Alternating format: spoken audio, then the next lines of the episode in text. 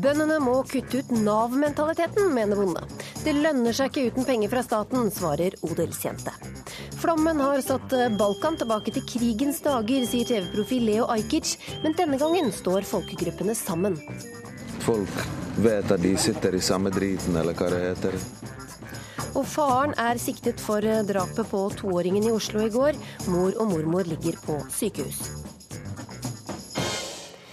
Dette er ukeslutt hvor vi også kjenner på presset for å få sommerkroppen 2014. Jeg heter Linn Beate Gabrielsen. Først de siste nyhetene ved Marit Selmer Nedrelid. Ja, Det er altså faren til den to år gamle jenta på Ellingsrud i Oslo som er siktet for å ha drept henne. Politiet sier at de er sikre på at det er han som har gjort det, ut ifra det vitner har fortalt. Mannen er afghaner og har ikke norsk statsborgerskap. Moren og mormoren til jenta er såret, og de to er norske statsborgere med irakisk bakgrunn.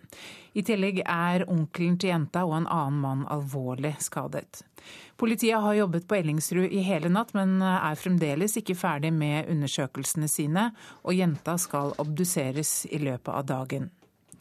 Flomvannet steg flere steder på Østlandet i natt, og det er fare for at det vil fortsette å stige de neste dagene. Det forteller Norges vassdrag- og energidirektorat. Oppland og Hedmark er hardest rammet, men foreløpig har det ikke kommet meldinger om alvorlige skader pga. vårflommen. Minst fire personer er drept i et selvmordsangrep mot Somalias nasjonalforsamling, opplyser politiet. Samtidig ble det skutt fra en moské i nærheten. Den militante islamistgruppen Al Shabaab har tatt på seg ansvaret for angrepet. I Thailand så strammer hæren grepet om landet. Store deler av landets politiske elite sitter nå i husarrest, og blant dem landets avsatte statsminister. Hæren har dessuten bedt ytterligere 35 samfunnstopper og akademikere om å melde seg innen få timer. Og snart så blir det mulig å gi kollekt i kirkene i Oslo med mobiltelefon. Mange har spurt etter en slik løsning, og nå kan du snart gi penger ved å sende en tekstmelding med kode. Men for dem som foretrekker kontanter, det vil fortsatt være mulig å gi kollekten med sedler og klingende mynt. Og nå fortsetter Ukeslutt med mer om drapet på den lille jenta på Ellingsrud. Siktede er barnets far. Hendelsesforløpet er fortsatt uavklart, men vi er sikre på at siktede er gjerningsmannen. Dette sa politiet på en eh, pressekonferanse for eh, litt siden. Og reporter Henriette Mort, du er på politihuset i Oslo. Hva vet politiet om eh, gjerningsmannen nå? Nei, Det de vet, er at det er eh, barnefaren til denne jenta som er eh, siktet. Er, eh, han skal være 35 år gammel og afghansk statsborger. Ifølge politiet så hadde han utreisefrist fra Norge 7.2.2013, men har da altså ikke reist ut av Norge. Og jeg har med meg fungerende leder for seksjon for vold og seksualforbrytelser, Karianne Lid. Hvordan kan dere være så sikre på at det er denne mannen som drepte jenta? Ut ifra vitneavhør, innledende forklaringer av noen av de involverte partene, og også videoopptak som politiet har fått fra åstedet, så er vi sikre på at det er barnefar som er gjerningsmannen. Det var jo også flere andre slektninger eh, til stede i går når drapet skjedde. Hva kan du si om de? Ja, det er riktig. Mor og mormor var til stede. De er innlagt på sykehus. De er skadet, men ikke alvorlig. Mor har vi hatt en kort eh, forklaring fra i går eller i natt. Eh, mor, eh, mormor har vi fått en godt forklaring fra. Mor har ikke vært i stand til å gi en forklaring foreløpig. Så er det barnets onkel som er innlagt på sykehus. Han er alvorlig skadet. Og i tillegg en, en, ytterligere en mann som har en relasjon til familier, som nå er lagt i kunstig koma. Som er kritisk skadet. Eh, mormoren er blitt avhørt. Hva vet dere så langt om bakgrunnen for drapet? Foreløpig så er hendelsesforløpet, eh, motiv, hvem som har vært til stede, når, når eh, de enkelte har blitt påført skader. Alt dette er uavklart. Dette er det politiet nå må jobbe med. Og vi jobber nå for å få anledning til å få avhørt de involverte så snart som mulig, slik at vi får et bedre og klarere bilde, forhåpentligvis, på hendelsesforløp. Eh, jeg vet at den mistenkte barnefaren han skal avhøres i dag. Hva skjer videre nå utover dagen? Ja, Nå håper vi at det lar seg gjennomføre et avhør av siktede i dag, med forsvarer til stede. Vi, eh, jobber for fullt med å avhøre vitner som har meldt seg til politiet, og som har kommet i kontakt med politiet gjennom rundspørring. Vi forsøker selvfølgelig å følge opp med avhør av de involverte, fornærmede partene i dag også. Det foregår fortsatt kriminaltekniske undersøkelser på åstedet eh, og i eh, en leilighet som eh, også man antar kan være et åsted. Slik at etterforskningen pågår for fullt, både teknisk og taktisk. Ja, og barnefaren skal altså avhøres i dag, så får vi se om vi får noe mer ut av det. Takk skal du ha, reporter eh, Henriette Mort. Og det var altså på Ellingsrud øst i Oslo at dette skjedde. Og reporter Marit Gjelland, hvordan preger dette drapet lokalsamfunnet? Jeg har nettopp uh, gått her. Dette er jo et uh, ganske lite område der folk bor tett i tett i blokkleiligheter. Og utenfor der drapet skjedde, så ligger det nå blomster og lys til minne om den lille jenta. Og folk eh, har fortalt meg at dette, var, det her er sjokkerende. Mange har sett ting som eh, de kanskje ikke burde ha sett, fordi det er så tett mellom husene. Og Med meg her så har jeg Tor Eivind Erikstein. Han er sogneprest i Ellingsrud og Furuset menighet. Eh, hva er ditt inntrykk? Hvordan preger det her samfunnet? Nei, Det er en stillhet over samfunnet i dag, syns jeg. Eh, folk er opptatt av det, sjølsagt. Og som noen sa, at uh, det er sorg og det er vantro, men uh, kanskje først og fremst er det smertefullt å oppleve dette så tett innpå. Hva slags område er det egentlig, det her nabolaget? Nei, Jeg har lyst til å beskrive det på den måten at eh, jeg tror i den eh, store byen og den store dalen, Groruddalen, så opplever vi at det er mange småsamfunn og nesten bygdesamfunn, og dette er ett av de. Og det opplever at folk har en eh, identitet inne i samfunnet, og de opplever at det er viktig for dem, og dermed også tryggheten og det som skjer der, viktig for dem. Men også forskjellige folk fra ulike Ja, og så er det mange forskjellige både nasjonaliteter og religioner og et eh, flerkulturelt og mangfoldig og flott samfunn på alle mulige måter. Hvor eh, folk er engasjert i hverandre. Og her ligger vi som kirke midt i dette her. Og senere i dag fra klokka fire så vil det være åpent eh, her i kjelleren på kirka. Der vil et kriseteam være for å ta hånd om de som trenger å snakke om det som har skjedd. Takk skal du ha, reporter Marit eh, Gjelland.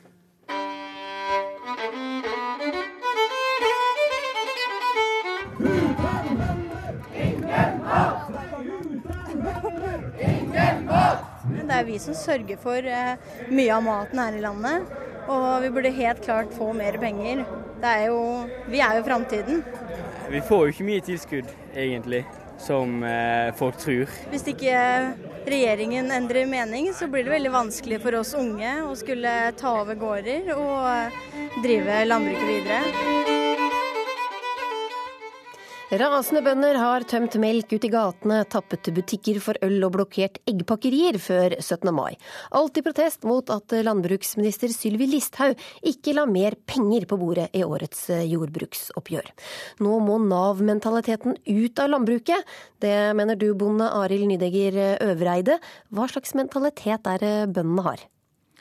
Dessverre så er det veldig mange bønder som har eh, fokus på hva som gjør størst utslag på subsidier og eh, når man ser den utviklingen som har vært de siste årene, at landbruksproduksjonen går nedover, så er det klart at vi kommer til et punkt hvor vi må stoppe opp, tenke om og våge å tenke nytt. Og da er det klart at vi må rette fokuset på økt produksjon av mat.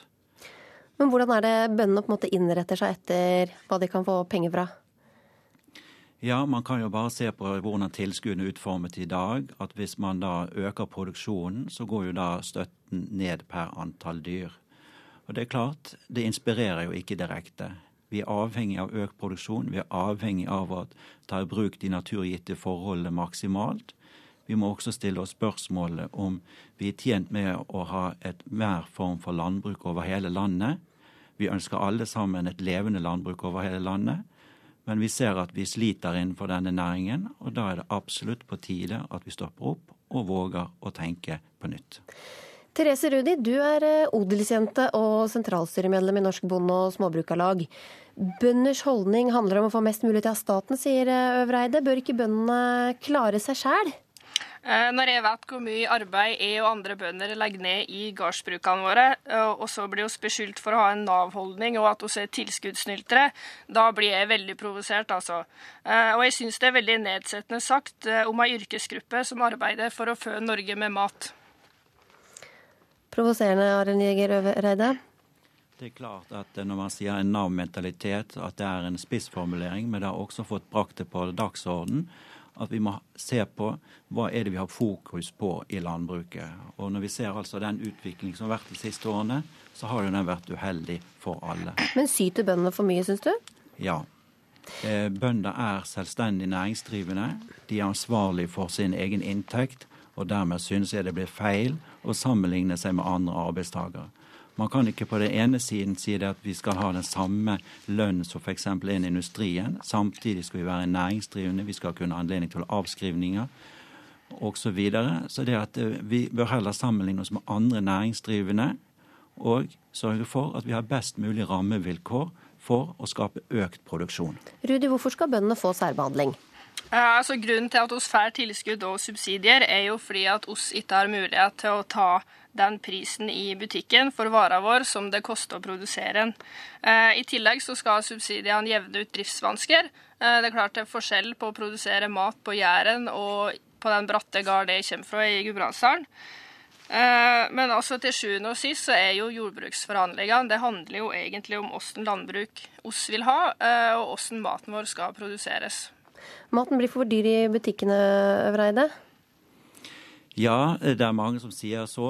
Eh, og eh, det er klart at for noen produkter så er jo det høyere pris på det enn hva man kan finne andre steder. Men der må vi også huske på alle at vi er et høykostland. Så er det klart det at når vi har en allsidig landproduksjon over hele landet, så må vi stille oss igjen spørsmålet er dette det beste for samfunnet og for den enkelte bonde. Og eh, det er klart, mye av melken blir produsert på, i Rogaland. Det er vel 49 der nede. Og eh, det er jo et paradoks at ikke vi da har mer eh, produksjon av lammekjøtt i Norge. Det er jo beklagelig at det er økonomisk for bønder på New Zealand å eksportere lammekjøtt til Norge. Det blir jo egentlig som å sende kjøtt fra Sydpolen til Nordpolen. Rudi, hvorfor skal vi ha et landbruk da, hvis det ikke er lønnsomt? Eh, hvis en ser på hvordan framtidsutsiktene er med befolkningsvekst eh, og klimakrise, så mener jeg at et eh, lokaltilpassa landbruk over hele landet er den beste måten å, at oss i Norge kan ta vår del av den produksjonsøkningen som oss må ha. Men Øvreide, det er, jo, det er jo bøndene som sørger for maten her i landet, hørte vi en av demonstrantene si. Er det, ikke, er det ikke rett og rimelig at bøndene skal få skikkelig betalt for den jobben de gjør? Ja, hun hadde også et viktig poeng, det hun som ble referert til fra demonstrasjonen på tirsdag. Vi produserer en del av maten. Så det at eh, Selvforsyningsgraden i Norge har jo da gått ned fra 52% til vel 47 Og eh, det at vi eh, har mat i butikkene, det er jo fordi at vi kan gå og handle i andre land som har et litt annet fokus på landbruk enn hva vi har. Men er det ikke viktig at vi også lager vår egen mat? Absolutt, og jeg ønsker jo det at vi skal lage mer av vår egen mat. Men når vi ser den utviklingen som har vært de siste åtte årene med en minister for det partiet som Norges Bondelag oppfatter som det som står de selv nærmest, så har jo utviklingen vært negativ. Landbruksproduksjonen har gått ned, areal går ut av bruk. 18 000 årsverk er f.eks. borte vekk. Antall gårdsbruk er gått drastisk ned. Og da er jo det absolutt et tidspunkt for å sette seg ned og så stille seg spørsmålet hva kan vi gjøre for å styrke næringsgrunnlaget for gårdsbrukene? Hva kan vi gjøre med rammebetingelsene? For at Hvis vi vil sammenligne oss som Vi vil jo gjerne være næring, selvstendig næringsdrivende. Og Da må vi se på hva gjør de ellers i næringslivet. Går noen nedover, så det, så stopper man opp. Man snur enhver stein. Hva kan vi gjøre bedre? Kan vi søke samarbeid med andre, f.eks.? Rudi, hvorfor ikke prøve noe nytt når vi ser at landbruket går nedover? Eh, jo, det er klart det at eh, landbruksnæringa eh, har blitt redusert de siste årene. men jeg tror ikke det er en løsning å det å forsterke den utviklinga her som Frp nå vil gjøre. Men det er jo ikke deres politikk som har vært drevet de siste årene? Nei, det er ikke. Men Frp vil nå legge, ta en helt omlegging av landbrukspolitikken, slik vi kjenner den i dag. Og det vil føre til at landbruksproduksjonen i distriktene blir veldig redusert. Eh, og han eh, Arild prater veldig mye om eh, lønnsomhet, men skal du ta den helt ut, så blir det jo aldri lønnsomt å produsere mat i Norge. Fordi at vi har fjell og daler, og vi har et veldig vanskelig klima. Så det blir aldri lønnsomt å produsere mat i Norge. Men du kaller Listhaugs politikk for dekk- og dieseljordbruk. Hva legger du i det? Eh, med den eh, politikken som de nå legger opp til, så vil det føre til en sentralisering av produksjonen til Jæren og østlandsområdet og rundt gode jordbruksområder. Da. Eh, og Det vil jo føre til at vi må kjøre mye mer traktor og vi må transportere mer fôr og møkk. Og det blir, vil bli mer import av kraftfôr fra utlandet. Tusen takk skal dere ha, Therese Rudi og Arild Nydegger Øvreide. Flomsituasjonen på Østlandet er eh, foreløpig bedre enn frykta, men det verste kan fortsatt være i vente, advarer Norges eh, vassdrags- og energidirektorat. Hittil har det vært verst i Trysil, og der er du reporter Per eh, Magnussen. Hvordan ser det ut der nå? Jeg er akkurat ved Trysilelva camping, som ligger på østsida av Trysilelva, rett sør for sentrum. og Her er det mer Trysilelv enn camping akkurat nå. Jeg ser rett ut på en uh, campingvogn som ligger og dupper uh, ut i det som en gang var campingplassen. Jeg ser et uh, spikertelt som ligger ute i, i, elva her, og en lekeplass, flere lekestativer. Og Den driver en slags sånn fuktig reindis nedover langs den enorme elva. Eh, det har akkurat gått en eh, kraftig regnskur over området, og nå begynner det å regne så vidt der igjen. På andre sida av elva ser vi Trysilfjellet med, med, snøen i nedfarten enda i alpinanlegget, så det er mye vann igjen i fjellet her. Hva slags konsekvenser har eh, flommen fått så langt? Det alvorligste er at det har blitt stans i produksjonen ved telastfabrikken Moelven Trysil. De prøvde å redde unna maskiner i går og har enda en halvmeter å gå på før vannet når der de står nå. Et hotell fikk eh, en bekk inn i kjelleren. To leiligheter ble ødelagt. Det var også i går. Det er også flere hus som nå har vannet helt opp til veggen, og de har da vann i kjelleren. Flere uthus står ute i elva under vann, eller ikke under vann, men i vann allerede. Hvordan eh, påvirker flommen resten av eh, Hedmark og Oppland?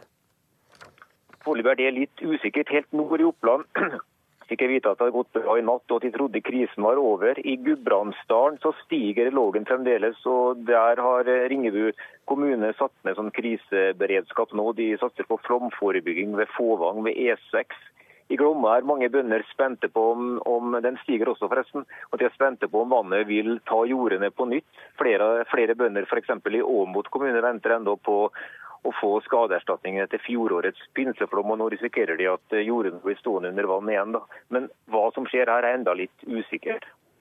Takk skal du ha, reporter Per Magnussen.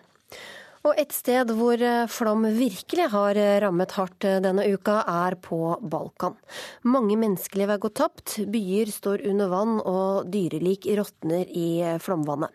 Mange nordmenn med røtter i eks-Jugoslavia har engasjert seg for å hjelpe flomofrene, og de ulike folkegruppene står sammen i hjelpearbeidet. Reporter Ingvild Edvardsen ble med under innsamlinga denne uka. Nå er bilen tom, bortsett fra en eske med Nugatti, som vi har fått uh, av en snill person. Og så får vi håpe at vi får fylt opp bilen i løpet av dagen. Bojan Stjelja lukker igjen bakdørene på den lille sølvgrå varebilen sin. Han og kameratene er ute og samler inn utstyr til flomofrene på Balkan. Det hele startet på en grillfest, der de ble enige om å dra i gang en innsamlingsaksjon på Facebook. Responsen lot ikke vente på seg. Ja, Den har vært enorm. Og vi har fått mye hjelp fra sykehjem og eh, gamlehjem og, og, forskjellige sykehus og sånt. Så da, det, det ble mer enn vi trodde. Selv er han fra Kroatia, men forteller at alle folkegruppene fra det tidligere Jugoslavia engasjerer seg i innsamlingsaksjonen. Vi har sett bilder av hvordan katastrofen har utviklet seg, så vi tenkte at vi, vi må gjøre noe. Bildene og videoene vi har sett fra flommen på Balkan er sterke. Store vannmengder har tatt med seg hus, veier og broer. Her blir en hjelpeløs mann dratt opp fra vannet i siste liten. Over 50 liv har gått med så langt. Totalt er over 1,6 millioner mennesker rammet. Døde dyr som råtner i vannet fører til smittefare, og folk frykter landminene som har blitt flyttet av vannmassene. Ettersom vannet nå har sunket, kan mange evakuerte dra tilbake til hjemmene sine. Men det som møter dem, er store ødeleggelser. Her ser du at det er blitt en innsjø i midten av, av, midten av eh, eks-Jugoslavia. På NRKs takterrasse sitter Leo Ajkic, Norges kanskje mest kjente norsk-bosnier. Han har denne uken oppfordret nordmenn til å hjelpe, og sier at de flomrammede områdene er satt to tiår tilbake i tid. For akkurat 20 år siden etter krigen så minner det mye om de bildene du ser nå på TV. Bare at det ikke var vann som gjorde at folk endte opp i gymsaler og måtte flykte fra hjemmene sine og måtte evakueres. Det er mye som skjer. Det er mange som benytter seg av situasjonen til å gjøre kriminelle ting og bare plyndre og ta til seg ting. Alt fra humanitær hjelp til å plyndre hus som står ubevoktet, til faktisk et samhold som har manglet av og til. At folk vet at de sitter i samme driten, eller hva det heter. Sammen med Bojan Stjelja kjører vi til et hotell i Oslo som vil bidra. Bojan. Leila, hyggelig. Vi pustet opp i sommer, så da fikk vi helt, helt nye dyner og puter. Og da skulle vi sende dette til Fretex, da, men uh, valgte dette. Resepsjonist Laila Deras viser oss inn i et rom i underetasjen på Soria Moria i Holmenkollen. Så det er alt på den siden her. Ja. Det er puter og sånt og dyner. Puter og dyner. Ja. Hva syns du om det her, da? Det er veldig snilt av dem. Det er, ser ut som det er nye både dyner og puter, noe folk trenger når hjemmene har blitt oversvømt og de ikke har et sted å sove og noe å ha over seg. Så det, det er veldig bra. Til sammen 100 sett med dyner og puter skal lesses inn i Bojans varebil. Men Ja, nå var det så mye at vi må komme med en tur til her. det er fullt. Det er fullt. Ukeslutt har mer i godteposen den neste halvtimen. På toppen av Hallingskarvet bestemte Jonas Gahr Støre seg for å bli Ap-leder. Det eventyret må han lenger ut på landet med, mener Nettavisens Gunnar Stavrum. Usmakelig av VG når de skriver at døde barn begraves uten hjerner, mener redaktør. Vi har avslørt ukjent forskningspraksis, svarer VG. Og svetten siler i innspurten for å oppnå sommerkroppen 2014. Trykk, trykk, trykk, trykk, trykk, trykk. Hele veien fram. Hele veien fram. Men det var egentlig et ok opplegg oppå på toppen av det fjellet, fordi at dette har vært en modningssak for meg. Jeg måtte tenke mye på det, snakke med mine nærmeste og folk jeg stoler på. Og så er det fint å ha ett øyeblikk hvor jeg sier at nå tar jeg beslutningen, og da er jeg alene, og så er jeg på toppen av et fjell.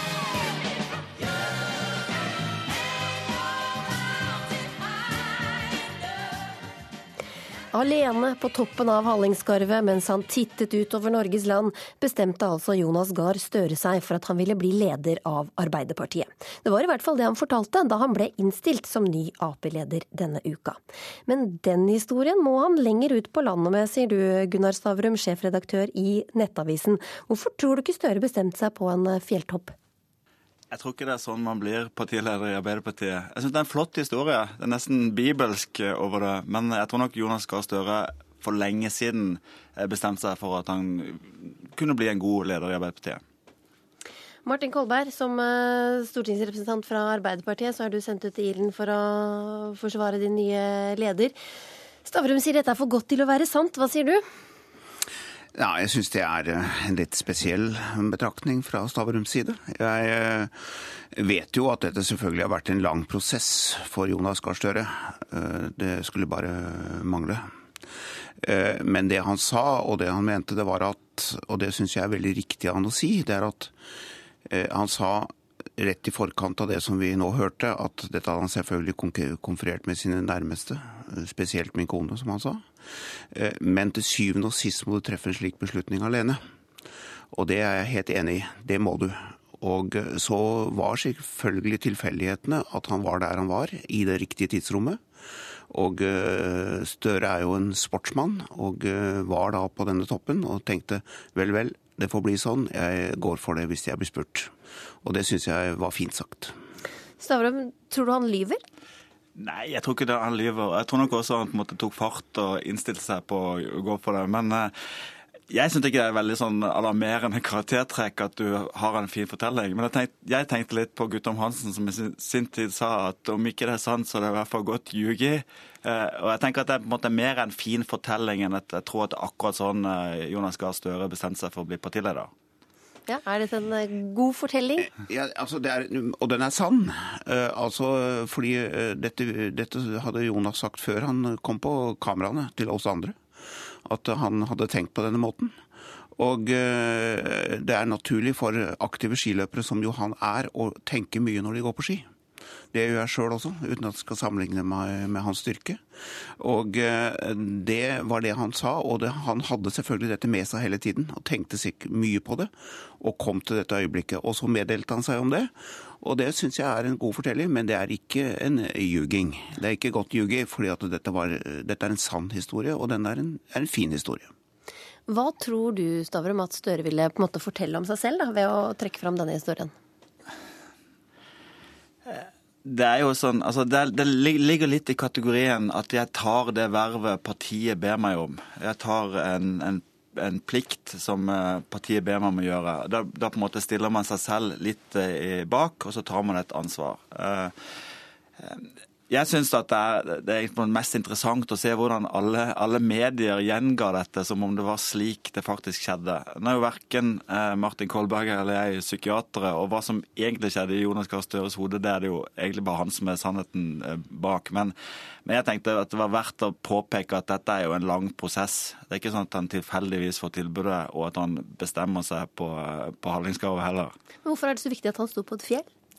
Jeg synes at det var altså Min eh, blogg om dette det var egentlig mer en, en drøftelse av, av Jonas Gahr Støre som figur. For jeg tenker at han, eh, når han blir partileder i Arbeiderpartiet og svært sannsynlig en framtidig statsminister i Norge, så er det verdt å se litt på, per, på persontrekkene til, til, Jonas Gahr Støre. Så jeg er på en måte mer interessert i det enn akkurat denne historien, men jeg syns han illustrerte et poeng.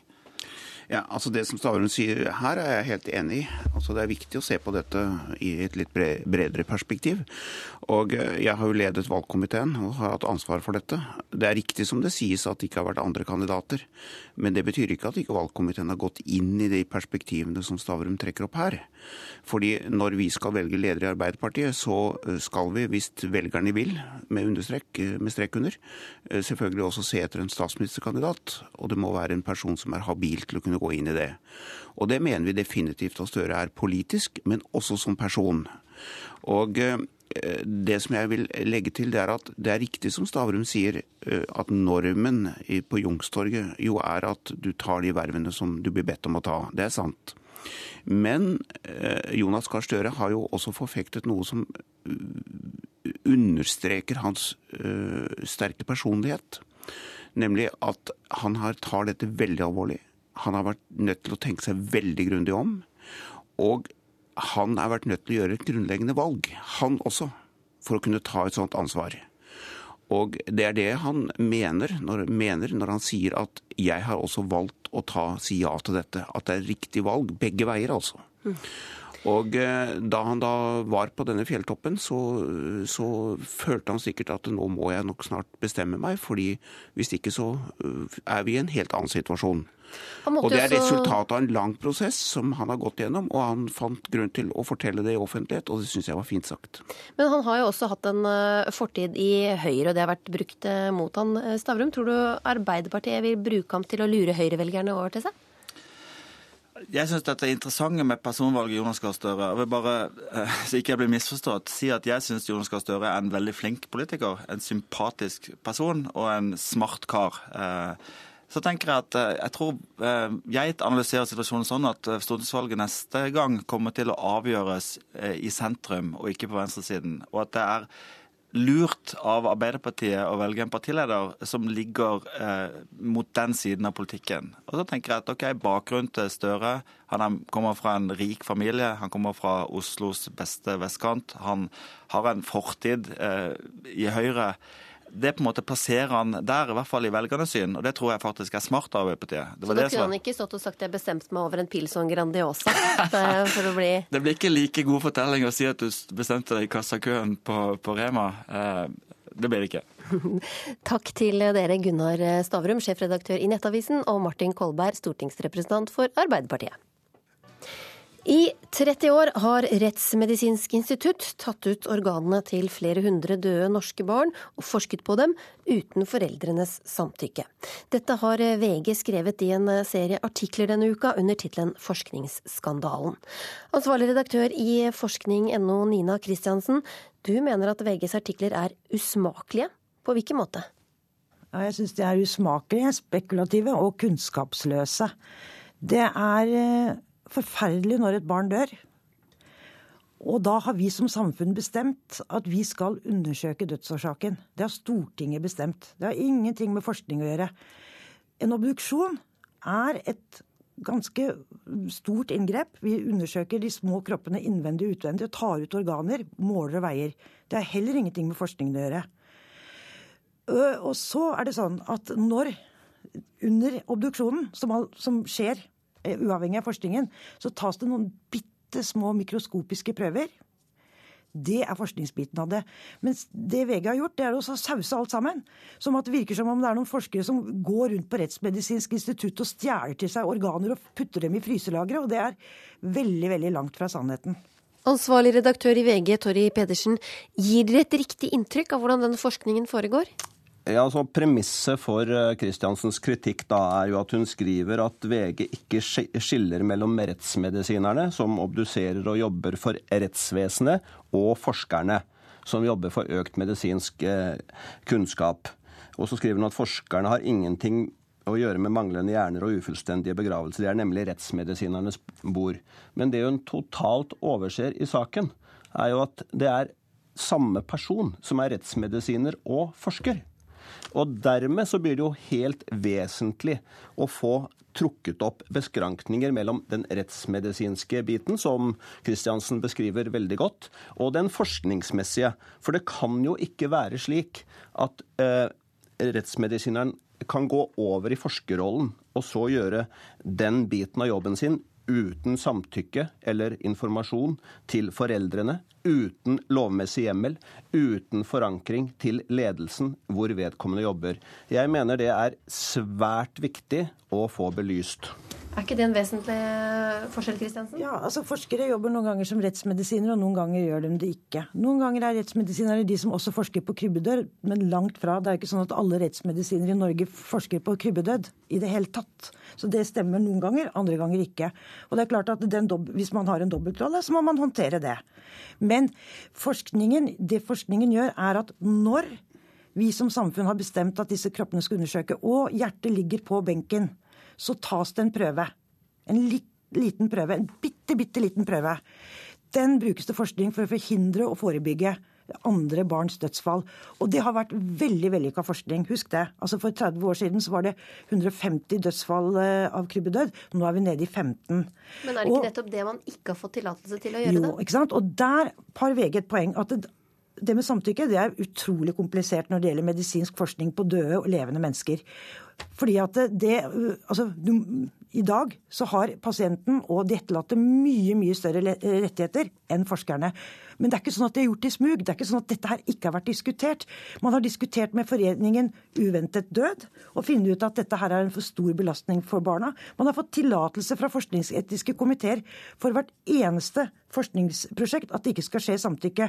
Og man har fulgt et litt for gammelt lovverk. Så det er jo ikke sånn at dette her har liksom skjedd uten at det har vært en pågående etisk diskusjon. Men veldig bra. Nå skal det ryddes ordentlig opp i, og det er jeg glad for. Men Tori Pedersen, er det ikke også stor forskjell på det som dere presenterer som at man tar ut hjerner og forsker uten samtykke på at dette er bitte små vevsprøver? Eh, jo, altså det er jo viktig med distinksjoner rundt dette. Men la meg da bare få lov til å bringe inn hva divisjonsdirektøren eh, i Folkehelseinstituttet, Bjørn Magne Eggen, sa direkte. Det er først nå Vi er blitt klar over at det gjøres separate uttak av prøver for forskningsformål som ikke er en del av den rutinemessige obduksjonen. Det var ny kunnskap for oss i forrige uke.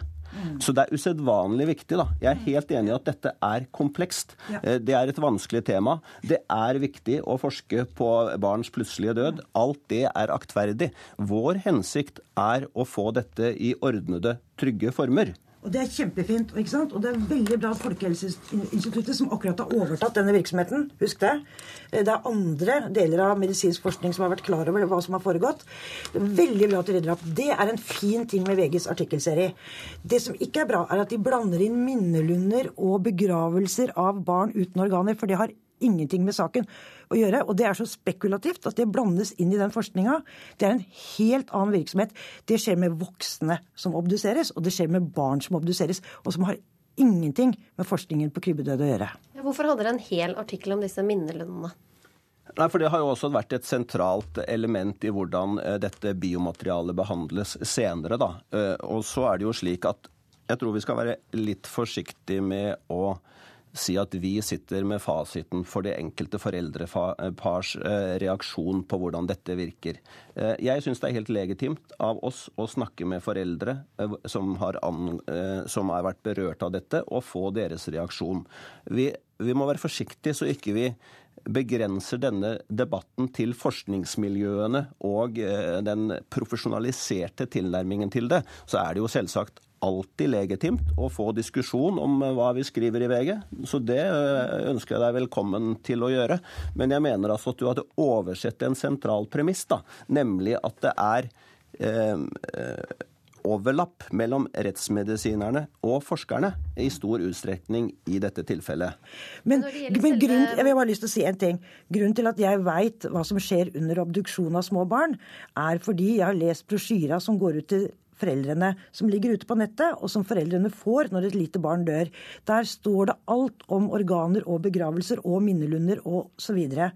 Det presenterer VG som forskningsskandalen. Det har ingenting med forskningsskandalen å gjøre. Og det er der problemet ligger. Og jeg har også ikke vært i kontakt med forskere i dag. Jeg har vært i kontakt med foreldre som sier at det, det er bra at det ryddes opp i. For den, denne artikkelserien til VG, den har vært en belastning. Den har vært en belastning, Tore Pedersen. Jo, men altså, Dette er jo ømtålige temaer. Det er, det er veldig vanskelige temaer. Du krever dypt innsikt i problemstillingene for å diskutere det. Så at, eh, at det kan være belastende å lese, det, det har jeg stor forståelse for. Men hvorfor utbroderer dere da og sier hjerner tas ut, det- hulrommene fylles med, med silikon, man går til minnelund, man snakker med foreldre? Er ikke det nettopp å legge ekstra bør til eh, Det har ingenting med forskning og forskningsskandale å gjøre, den praksisen.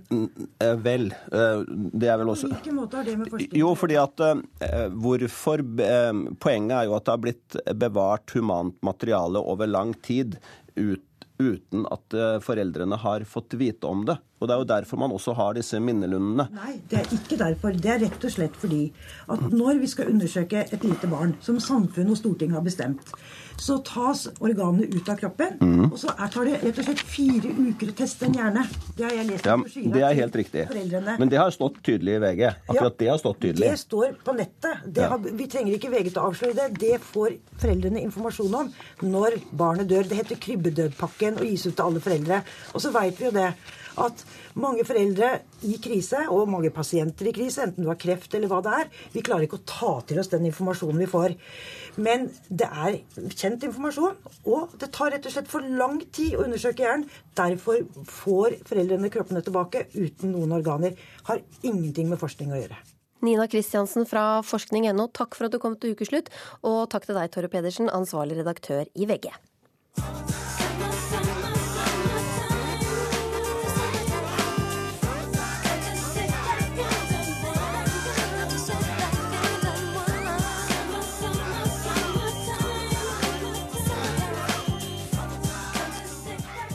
Når eh, sommervarmen kommer, skal kroppen, som har vært dekket av lag på lag med klær, vises fram i bikini og badebukse. Og det skal helst se bra ut. Lykkes du ikke med kroppen og lar den forfalle, kan noen mene at du har dårlig moral, sier filosof Lars Fredrik Svendsen. Reporter Kari Li sjekket om folk har sommerkroppen klar. Brun, slank, veltrent. Brun og blid og slank. Strongest in your skinny. Tynn, muskuløs og brun. De veit hvordan kroppen bør se ut om sommeren. Men veien til sommerkroppen 2014 er brolagt med slit og knallhard selvdisiplin. Ute skinner sola, men nede i kjelleren på treningsstudioet Elixia renner svetten nedover panna til Birte. Hun presses til det ytterste av sin PT, eller personlige trener. Gud. Vi begynte igjen fast nå. Det er bare en måneds tid siden eller noe. Hvorfor da? For å få sommerkroppen.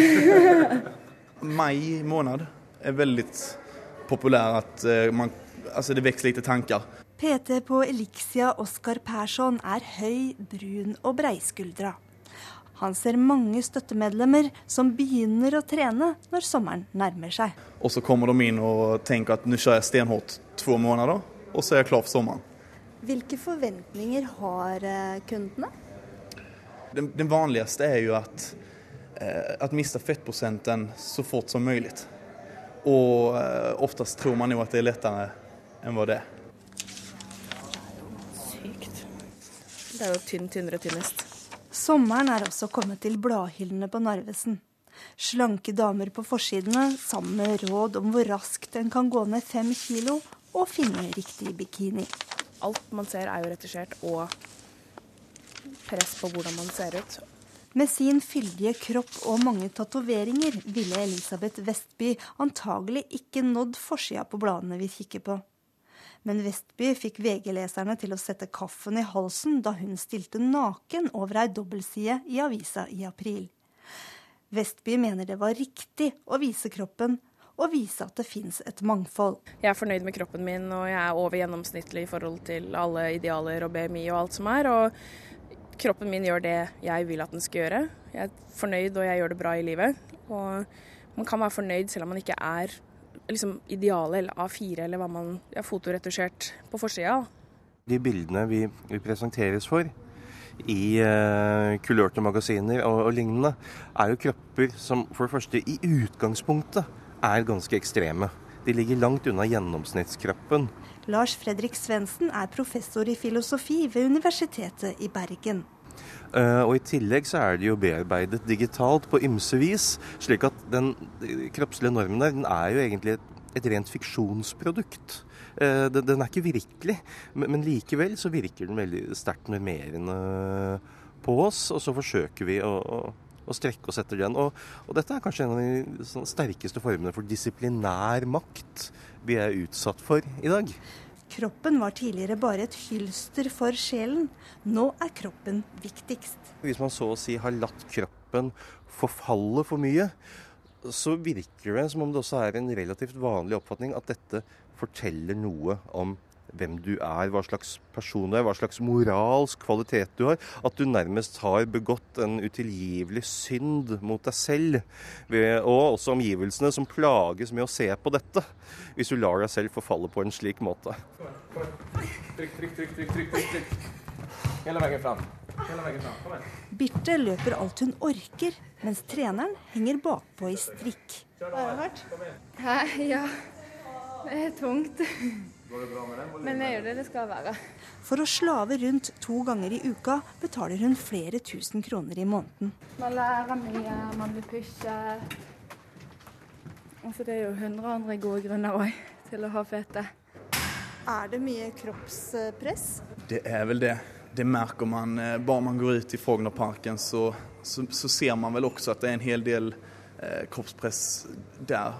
Folk er mye mer medvetne i dag. Det er mye mer skriv om det i aviser og i TV. og Blogger skal vi ikke ens prate om. Så det, det er tøft i dag. Jeg synes hva Fordelen er at hjemmet stort sett alltid har kaker.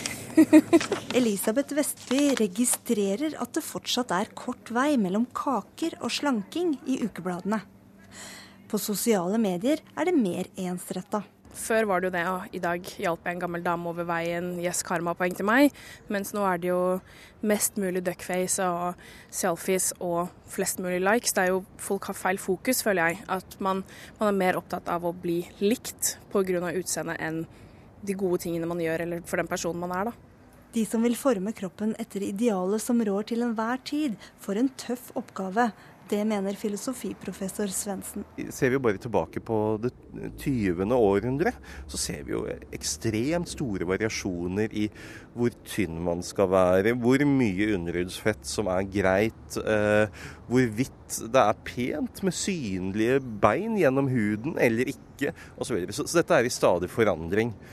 Og det er dessuten i en sånn stadig forandring at du, de fleste nesten alltid vil være litt for seint ute. Altså innen du så å si har begynt å nærme deg normen for hvordan kroppen skal være, så vil den normen ha forandra seg. Så du får bare halse etter for å forsøke å nå igjen neste norm. Hvordan er det med deg selv og kroppspress?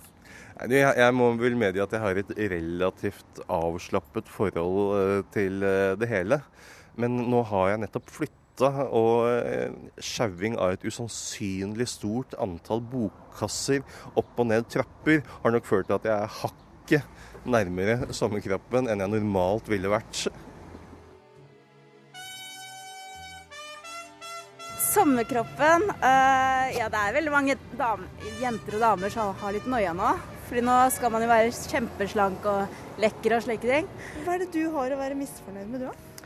Uh, nei, jeg har jo former, da mage og rumpe og Så det er liksom det som er litt flaut, da. Føler du noe press i forhold til at uh, nå er mindre klær og sommer? Jeg har blitt for gammel til, rett og slett. Så med to små barn så er det så vanskelig, så det er bare å kose seg. Og... Satte på sommerkroppen 2015. Hvorfor det? Rekker du det ikke til sommeren? Nei, jeg tror ikke det. jeg går på helsestudio hele året. Hele året. Hele året. Og når sommeren nærmer seg, ja, da blir det enda mer helsestudio.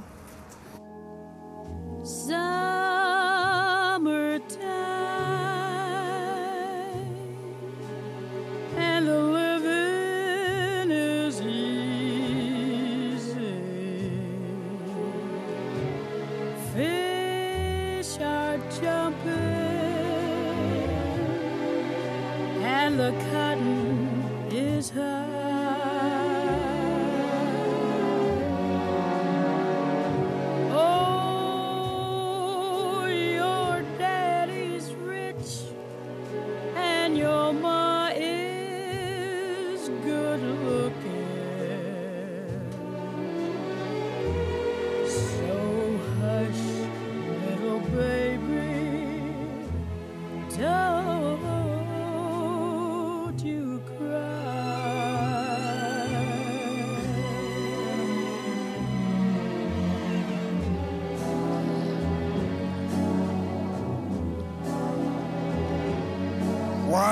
Of these mornings, you gonna rise up singing. Ja, det er eh, sommer og sol vi vil ha, statsmeteorolog Øyvind eh, Johnsen. Men eh, flommen stiger på Østlandet, har vi hørt. Er det fortsatt mye regn i vente? Det er både og det. altså Her på Østlandet, og spesielt i de østlige og nordligste områdene, så er det fortsatt en del nedbør som skal gjennom de første par døgna. Og Dermed så opprettholdes flommen også pga. at det er høy temperatur og stor snøsmelting i fjellet. Ja, så over til eh, selve varselet. Det ventes uendret til litt lavere temperatur de fleste steder, eh, både i dag og i morgen. Varsel for fjellet i Sør-Norge. Her ventes nordvestlig bris, men frisk bris utsatte steder. Stort sett oppholdsvær i Langfjella, og der blir det nok også perioder med sol. Ellers så ventes det regnbyger, og det kan være torden i forbindelse med bygene. Så Østland og Telemark. Relativt rolige vindforhold. På kysten er det nok sørvestlig og kanskje opp i liten kuling noen steder. Fortsatt lokale regnbyger og uttrykk for torden. Innimellom perioder med sol. Mest nedbør nord på Østlandet. Så Agder. Periodevis eh, vestlig frisk bris på kysten. Det ventes lokal morgentåke i morgen, for øvrig stort sett pent vær. Så Vestlandet sør for Stad. Lite vind, men opp i frisk bris på kysten, av litt vilkårlig retning. Noe skyet på kysten, ellers så ventes ganske mye pent vær. Møre og Romsdal. Nordøstlig opp i liten kuling på kysten. Her blir det nok for det meste skyet oppholdsvær, men i morgen ettermiddag ventes litt regn, og da mest i indre strøk i nord. Trøndelag eh, nordøstlig opp i stiv kuling. Stort sett oppholdsvær, men fortsatt byger i grensetraktene. I morgen litt mindre vind, men etter hvert regn, først i indre strøk. Så Nordland nordøstlig opp i stiv kuling. Enkelte regnbyger både i Lofoten, Vesterålen og på Helgeland, ellers oppholdsvær gløtt av sol. I morgen ventes for det meste opphold og noe sol. Troms er ventet sørvestlig liten kuling på kysten. Enkelte regnbyger og sol innimellom bygene. I morgen oppe i frisk bris, på kysten oppe i stiv kuling. For øvrig pent vær. Finnmark sørvestlig stiv kuling i vestlige kyststrøk, men i øst nordøstlig frisk bris, og det er regnbyger. På vidda er det stort sett pent vær. I morgen litt eh, mindre vind, oppe i frisk bris. Fortsatt spredte sluddbyger, men på vidda pent vær. Og Nordensjøland skiftende bris og kort og godt for det meste pent vær. Da setter vi strek for ukeslutt. Ansvarlig var Gry Veiby, teknisk ansvarlig Karl Johan Rimstad og i studio Linn Beate Gabrielsen.